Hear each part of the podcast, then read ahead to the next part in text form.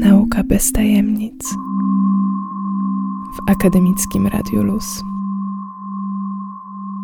Dzisiaj mam przyjemność rozmawiać z panią dr Magdaleną Grodecką, kierownikiem badań do spraw diagnostyki i biobankowania sportu Łukasiewicz. Dzień dobry. Dzień dobry Pani, dzień dobry Państwu. Tematem naszej rozmowy będzie zagadnienie, które tak naprawdę od pewnego czasu pojawia się w mediach, ale mimo to myślę, że warto przypomnieć słuchaczom, przybliżyć zagadnienie, jakim jest biobank. Czyli może zaczniemy od tego, czym jest biobankowanie.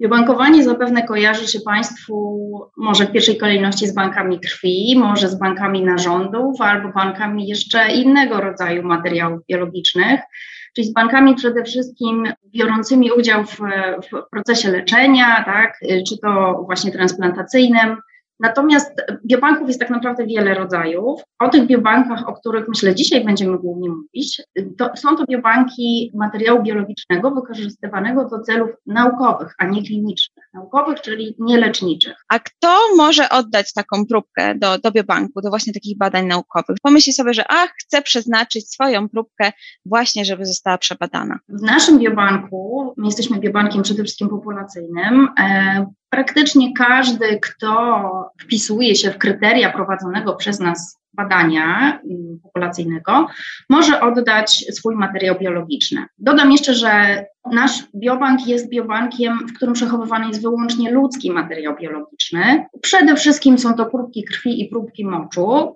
bo taka była specyfika naszych dotychczasowych badań, ale też jeszcze chcę dodać, że istnieją oczywiście różne inne rodzaje biobanków, których gromadzony jest materiał biologiczny, również wykorzystywany do badań naukowych, ale pochodzący na przykład z mikroorganizmów albo z roślin. Tak więc do naszego biobanku w ramach prowadzonej przez nas do niedawna, bo niestety teraz jesteśmy w takim okresie pomiędzy jednym projektem a drugim, kiedy akcja jest chwilowo wstrzymana, ale do, do, do naszego biobanku w ramach naszej tej głównej akcji populacyjnej mogły zgłaszać się osoby, które są rezydentami regionu Dolnego Śląska, nie wchodzimy w szczegóły, jak długo ktoś jest Dolnoślązakiem. E, jesteśmy regionem bardzo inkluzywnym. Myślę, że zawsze tak było, przynajmniej odkąd pamiętam, a jestem sama wrocławianką. Także mieszkańcy Dolnego Śląska w wieku między 20 a 75 rokiem życia, w zasadzie bez, bez jakichś kryteriów zdrowotnych istotnych, z tym, że pobieranie materiału, czyli próbki krwi i próbki moczy odbywa się w naszym punkcie pobrań na Praczach Odrzańskich, więc każdy, kto był w stanie do nas tutaj przyjechać, rano na czczo mógł taki materiał oddać. No to dobrze, to możemy teraz w takim razie przejść do kwestii, czym tak naprawdę zajmują się biobanki. Biobanki prowadzone do celów naukowych zajmują się pobieraniem, gromadzeniem materiału biologicznego do celów naukowych, przechowywaniem go zgodnie z najlepszymi standardami i, i, i regulacjami, zarówno technicznymi czy technologicznymi, jak i e, etyczno-prawnymi, i udostępnianiem tego materiału oraz danych powiązanych z tym materiałem naukowcom, badaczom, którzy na tym materiale chcą wykonywać badania. Tak więc biobanki same w sobie z definicji niekoniecznie muszą zajmować się badaniami, natomiast ich rolą jest zapewnienie badaczom jak najlepszej jakości materiału i, i właśnie danych, które są powiązane z tym materiałem mm, do prowadzenia badań naukowych. Nie ma obecnie możliwości prowadzenia innowacyjnych badań na przykład w kierunku opracowania nowych terapii czy jakichś metod diagnostycznych, biomarkerów, całej medycyny personalizowanej również, bez materiału biologicznego pochodzącego z biobanku. Czyli głównym zadaniem biobanku jest tak naprawdę przechowanie i tak jak Pani powiedziała, udostępnienie materiału do badań. No to tak. wracając do tego przechowywania, w jaki sposób te próbki są przechowywane w biobanku? Oczywiście wszystko zależy od specyfiki materiału, o którym mówimy. Tak, włosy na pewno będziemy przechowywać inaczej niż krew i mocz, ale wracając na, na grunt naszego biobanku Łukasiewicz Port, próbki krwi i moczu przechowujemy po odwirowaniu, sfrakcjonowaniu, czyli krew rozdzielamy na surowice i osoczeń. Przechowujemy w zamrażarkach niskotemperaturowych, czyli w temperaturze minus 80 stopni i w zamrażarkach ultra temperaturowych, e, takich kryogenicznych, minus, to jest temperatura minus 150 stopni, czyli temperatura e, oparów ciekłego azotu. A chodzi o to, żeby te próbki były przechowywane długoterminowo. Czasami to może być nawet kilka dekad. Czyli taki, załóżmy, naukowiec zgłasza się do Państwa, że potrzebuje taką próbkę do badań i wtedy może taką próbkę dostać, otrzymać do, do przeprowadzenia y, jakichś eksperymentów. W skrócie tak, a w szczegółach to nie jest taka kwestia automatyczna. To znaczy, mm, z reguły naukowiec przychodzi po więcej niż jedną próbkę i z reguły przychodzi nie tylko po próbkę, ale również po te dane, które są z próbką związane. I tutaj nie mam absolutnie na myśli danych osobowych, bo standardem w biobankowaniu jest to, że próbki i, i, dane, które są związane z tymi próbkami, są przekazywane badaczom w sposób po pełnej anonimizacji bądź po tak zwanej pseudonimizacji. Czyli krótko mówiąc, te dane osobowe dotyczące pacjenta, identyfikujące pacjenta są zacierane w taki sposób, żeby ten badacz nie mógł oczywiście y, tożsamości dawców ustalić. Jemu te informacje zresztą nie są do niczego potrzebne. Jego interesują parametry tego materiału. Dla przykładu, w naszym badaniu populacyjnym na próbce krwi, którą pobieramy, wykonujemy panel takich oznaczeń e, diagnostycznych. To jest e, oznaczenie poziomu homocysteiny, ultrakrwowego CRP, cholesterolu całkowitego oraz glukozy i insuliny. Wyniki tych badań pacjent czy dawca, który do nas przychodzi jako, jako ochotnik, dostaje do ręki, e, może się z tymi wynikami zapoznać. To jest jakby wiedza dla niego i taka wartość dodana. Natomiast my te wyniki zapisujemy w naszej bazie danych. Więc jak przychodzi do nas badacz, który potrzebuje na, na przykładu 100 próbek od osób niepalących, w wieku około tam 40-50 lat, y, które mają wysoki poziom glukozy, no to na podstawie tych dodatkowych wykonanych na próbkach badań jesteśmy w stanie z naszej ogromnej, ogromnych zasobów próbek y, wybrać takie właśnie próbki. Żeby dostać próbki z biobanku, e, zwłaszcza z naszego biobanku, trzeba się z nami skontaktować, napisać, e, opisać swój projekt badawczy, uargumentować, do czego te próbki są potrzebne, w jaki sposób będą użyte, w jaki sposób będą przetransportowane, w jaki sposób będzie zapewnione ich bezpieczeństwo. Te wszystkie aspekty są brane przez nas pod uwagę no i też nie bez znaczenia jest tutaj kwestia tego, iż na badanie, e, które taki badacz chce wykonać, e, na ten eksperyment, on musi mieć pozytywną opinię Komisji Bioetycznej. Tak mówi polskie prawo, dokładnie ustawa o zawodzie lekarza i lekarza dentysty. Jest to cały szereg kroków takich formalno-prawnych, które badacz musi podjąć, żeby te próbki dostać. A jeżeli chodzi o utylizację próbek, czyli nasze próbki zostały już wykorzystane na przykład do badań, nie będą już potrzebne, bo one też nie mogą być w tym biobanku na zawsze. Mam rację, czy nie, czy nie mam racji? W biobanku mogą być tak długo, na jak długo pacjent, czy dawca, czy uczestnik badania wyraził zgodę. To znaczy, jeżeli ktoś y, do nas przychodzi, to właśnie wśród tych dokumentów, z którymi się musi zapoznać i podpisać również, e, jest pytanie o to, czy zgadza się na przechowywanie materiałów biobanku. To jest naprawdę pozyskanie tej świadomej zgody i zapoznanie się z koncepcją tego badania, to jest, to jest duża część wizyty każdego dawcy w naszym biobanku. To jest dla nas szalenie ważne i myślę, że dla dawców powinno być jeszcze ważniejsze. Więc jeżeli ktoś się zgadza na długoterminowe przechowywanie materiału w biobanku, no to ten materiał jest przechowywany w biobanku tak długo, jak jak to jest możliwe. No, tak jak mówię, nasz biobank istnieje kilkanaście lat, więc to jeszcze nie jest jakoś bardzo długo, ale zasadniczo praktyka jest taka na świecie, żeby materiału bez potrzeby nie utylizować. No chyba, że uznamy, że on faktycznie już się do niczego nie nadaje, bo na przykład się zamrażarka rozmroziła i wszystko się zmarnowało, ale na to też są sposoby i poważne biobanki, takie jak nasz między innymi, stosują różne rodzaje zabezpieczeń, kilkustopniowych zabezpieczeń, które chronią przed zniszczeniem materiału właśnie w taki sposób raczej nie ma powodu tych próbek utylizować z powodu takiego, że są niewykorzystane. Natomiast oczywiście, jeżeli wydajemy materiał badaczowi i on przyjmuje ten materiał do w celu wykonania konkretnych badań, to po zakończeniu e, takiego badania resztę materiału powinien zutylizować. Czyli jednak mamy tutaj to zapewnienie bezpieczeństwa i jeśli chodzi o nasze dane i o samą próbkę, a możemy jeszcze więcej porozmawiać na temat tego, do, do jakich badań wykorzystywane są, są te nasze próbki. Jeżeli ktoś chciałby oddać swoją próbkę, to myślę, że chciałby tak mniej więcej chociaż wiedzieć, w jakim celu są te jego próbki wykorzystywane. Oczywiście. To, w, jakim, w jaki sposób próbka będzie wykorzystana, zależy troszeczkę od jej specyfiki. Mogę mówić mm, chyba bardziej szczegółowo na temat materiału, który u nas gromadzimy, czyli osocze, surowica, tak zwany korzuszek leukocytarny. To jest taka frakcja krwi, która powstaje po odwirowaniu krwi pełnej, w której zawarte są leukocyty. I w tych leukocytach jest DNA, więc to jest taka, taka frakcja krwi, z której można wyizolować DNA do dalszych badań.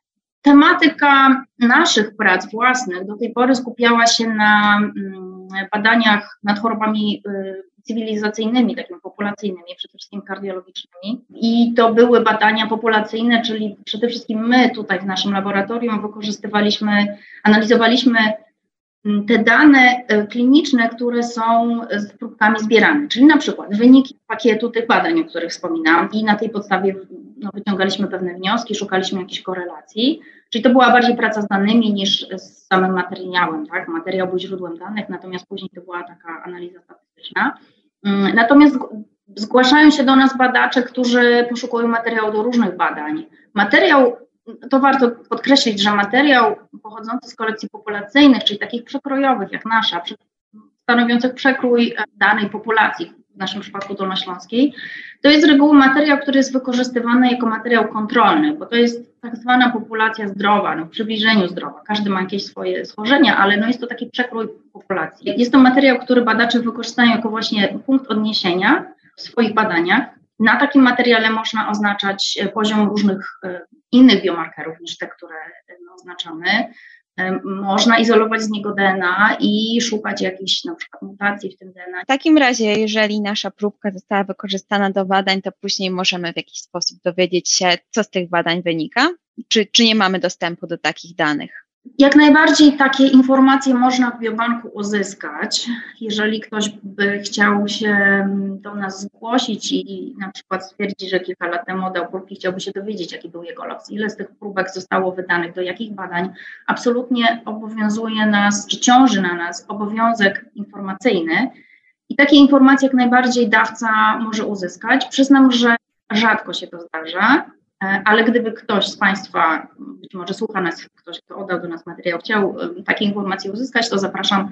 Jak najbardziej jesteśmy w stanie to takie rzeczy ustalić, dlatego że losy tych próbek są jak najbardziej rejestrowane w naszej bazie danych. Rejestrujemy fakty wydania próbek, do jakiego to poszło badania, a ponieważ z badaczami no, jesteśmy też związani różnymi umowami, tak? umową na wydanie próbek, e, to wszystko jest też udokumentowane, oni mają wobec nas też pewne zobowiązania, powinni nas informować o postępach badań. Więc tutaj pełna transparentność powinna być zapewniona. Wracając do tego w sumie, że nasze radio jest radiem studenckim i powiedziała już pani, pani doktor, że mogą brać udział w badaniach, mogą oddawać sobie próbki do wybanku dolnoślązacy i mieszkańcy Dolnego Śląska.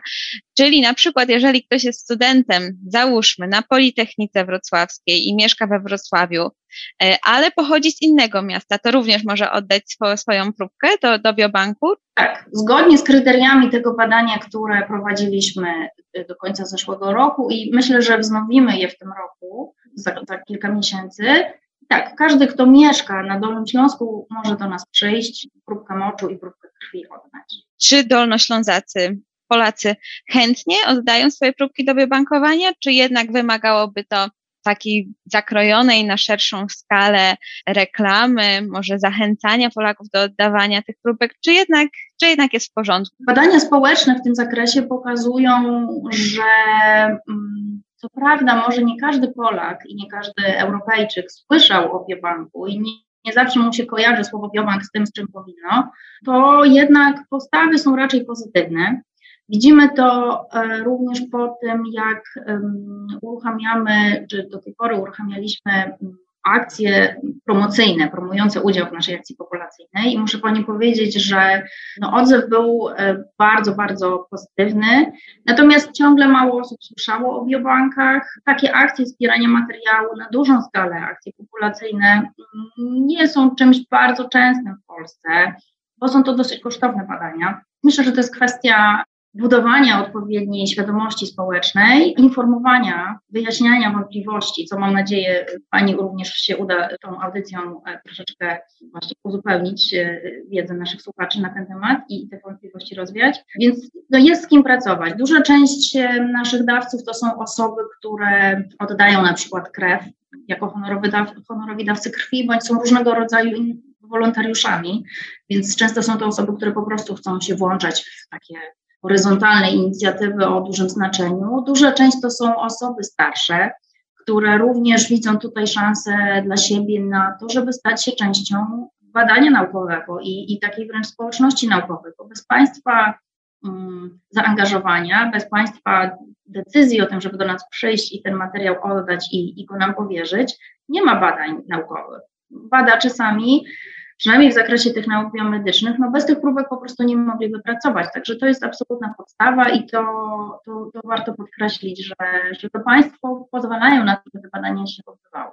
Tak, myślę, że taki przekaz bardzo pozytywny, mam nadzieję, wypłynie z tej audycji i jednak mieszkańcy Dolnego Śląska będą się chętnie zgłaszać do oddawania swoich próbek. A pytam się tutaj właśnie o to, czy Polacy oddają swoje próbki do biobanku, bo od razu przypomina mi się ten przykład Islandczyków, którzy są w sumie dosyć homogennym pod względem genetycznym, homogenną populacją i tam ponad połowa społeczeństwa tak, brała udział w badaniach, oddało swoje DNA do badań i populacja nie jest tak duża jak polska populacja, ale chyba jeszcze troszeczkę nam do takich badań, do, do takiego celu, do osiągnięcia takiego celu brakuje. Mm, tak, to jest faktycznie imponujący wynik. E, Skandynawowie w ogóle są znani z ogromnego poparcia dla idei biobankowania. Tam prawie 90% mieszkańców krajów takich jak właśnie Islandia, czy Norwegia, czy Szwecja uczestniczy w akcjach biobanków i, i, i, aktywnie wspiera ten rodzaj działalności naukowej. No w Polsce to jest jeszcze na pewno troszkę mniej, ale tutaj muszę zaznaczyć, że Islandia i Polska to są dwa zupełnie inne kraje. To znaczy domyślam się, że łatwiej jest dotrzeć do 250 tysięcy Islandczyków z ideą oddania swojego materiału biologicznego niż do 38 milionów Polaków. To jest dosyć znamienne faktycznie, bo drugim takim krajem, który jest znany z dużego zaangażowania jest Estonia. W Estonii istnieje Narodowy Biobank, bank. Estończyków jest około miliona, więc zebranie materiału od mniej więcej miliona ludzi to, to nie jest jakaś, znaczy no jest to na pewno ogromne wyzwanie logistyczne, ale na pewno dużo mniejsze niż w Polsce. W Polsce też robimy duże badania. Myślę, że co najmniej kilkanaście tysięcy dawców, e, czy u nas w Biobanku Łukasiewicz Port, gdzie mamy właśnie około 9 tysięcy dawców. Natomiast no to, są, to są duże inicjatywy i to wymaga dużego zaangażowania też finansowego, organizacyjnego. No myślę, że zmierzamy w tym kierunku, ale też z drugiej strony nie wiem, czy Biobank na 38 milionów dawców byłby potrzebny. Do wielu badań potrzebny jest materiał od bardzo selektywnie wybranej grupy, zwłaszcza w, na przykład w onkologii, właśnie w medycynie personalizowanej. Teraz jesteśmy w takim trudnym okresie pandemii i czy w tym czasie, w czasie COVID-a zmieniła się liczba osób, które są chętne do oddawania próbki do biobanku? Czy jakoś ta pandemia miała jednak wpływ, odcisnęła swoje piętno właśnie na, na biobanku? Ponieważ nie przewidywaliśmy tej pandemii, to niestety nie zrobiliśmy żadnych badań ankietowych w tym kierunku, a to by było ciekawe zagadnienie. Na nas też pandemia odcisnęła swoje piętno. Nie powiedziałabym, że dawcy są mniej skłonni do oddania materiału. Nawet po pierwszej, po drugiej fali pandemii mieliśmy nadal telefony od ochotników, którzy chcieli przyjść i oddać materiał. Także chyba sama postawa się nie zmieniła, Natomiast wielu dawców chciało się upewnić, że jeśli przyjdą do nas, to będą mieli zapewnione bezpieczeństwo epidemiologiczne. E, I my tutaj szereg działań podjęliśmy w tym celu, żeby i ich zdrowie chronić, i nasze również. Czyli teraz tutaj takie jest przesłanie, że nawet w trakcie pandemii cały czas to bezpieczeństwo jest na pierwszym miejscu, jeżeli chodzi o biobank. I bezpieczeństwo danych, i bezpieczeństwo pacjentów, więc jak najbardziej możemy zachęcać słuchaczy do odwiedzenia biobanku i zostania dawcą takiej próbki. Tak, bezpieczeństwo i, i dobrostan pacjenta jest dla nas na pierwszym miejscu. Tak jak mówiłam, no bez pacjenta nie ma badań i nie ma tego materiału. Dodam tylko, że oczywiście w czasie kiedy no, takiego największego nasilenia epidemii biobank był zamknięty. To był dla nas taki trudny czas i smutny, no ale mam nadzieję, że już mamy to za sobą, że niedługo będziemy mogli wznowić naszą akcję po przedłużeniu projektu, który do tej pory realizowaliśmy, bądź rozpoczęciu nowych projektów, bo rozmawiałyśmy o kolekcji populacyjnej, ale to nie jest jedyna kolekcja, którą e, chcemy prowadzić. Chcemy teraz również rozpoczynać kolekcję materiału specjalistycznego, tak zwanego, czyli od pacjentów onkologicznych na przykład, albo od pacjentów chorobami neurodegeneracyjnymi. No tutaj będziemy musieli wejść we współpracę z jakimiś zespołami medycznymi, placówkami, szpitalami, które mają takich pacjentów. Bo Łukasiewicz Port jest instytutem naukowym, natomiast my nie mamy tutaj szpitala ani przychodni. Taki materiał specjalistyczny musimy pozyskać z zewnątrz plan na ten rok jest, Tak, dokładnie. To jest plan na ten rok i na kolejne lata. Natomiast no, chcemy tą kolekcję populacyjną rozbudowywać. Myślę, że wrócimy, wrócimy do Państwa z tym tematem, jak tylko będę mogła jakieś konkrety podać. Bardzo chętnie zapraszamy.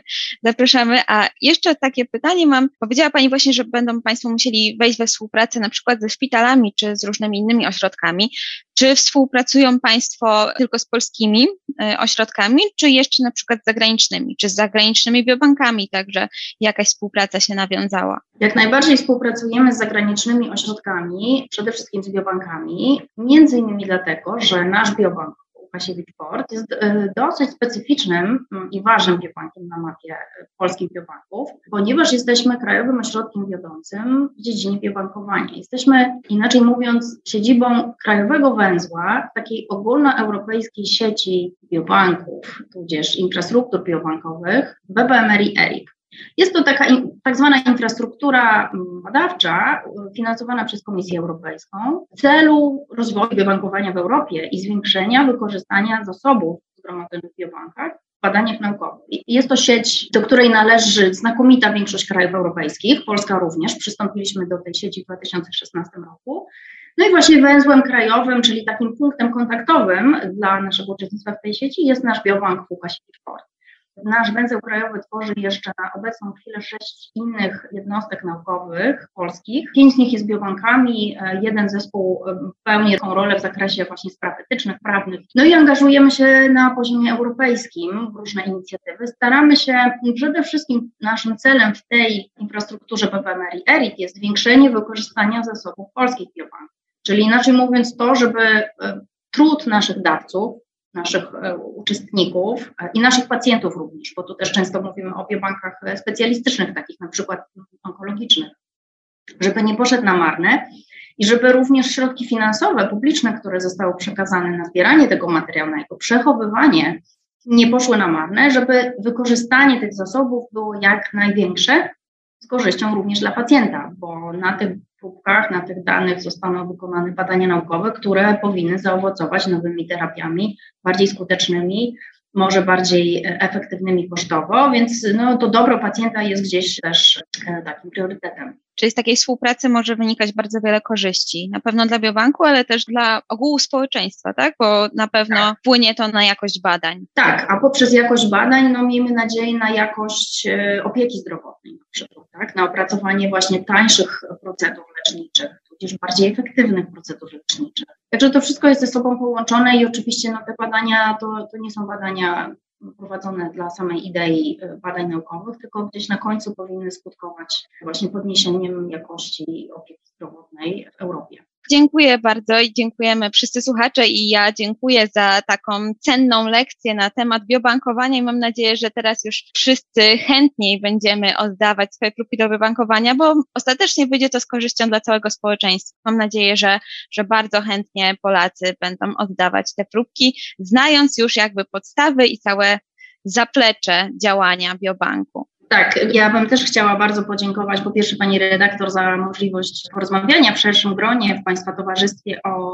biobankowaniu, o, o idei biobankowania i sposobie wykorzystania tego materiału. Chciałabym również bardzo podziękować osobom, które do tej pory odwiedziły nasz biobank i zdeponowały swój materiał biologiczny które jeszcze może tego nie zrobiły, ale interesowały się tym tematem i chciałabym zachęcić Państwa do śledzenia informacji o naszym biobanku Port, bądź przez lokalne, nasze regionalne media, takie jak Radio Luz, bądź przez stronę internetową Instytutu Łukasiewicz.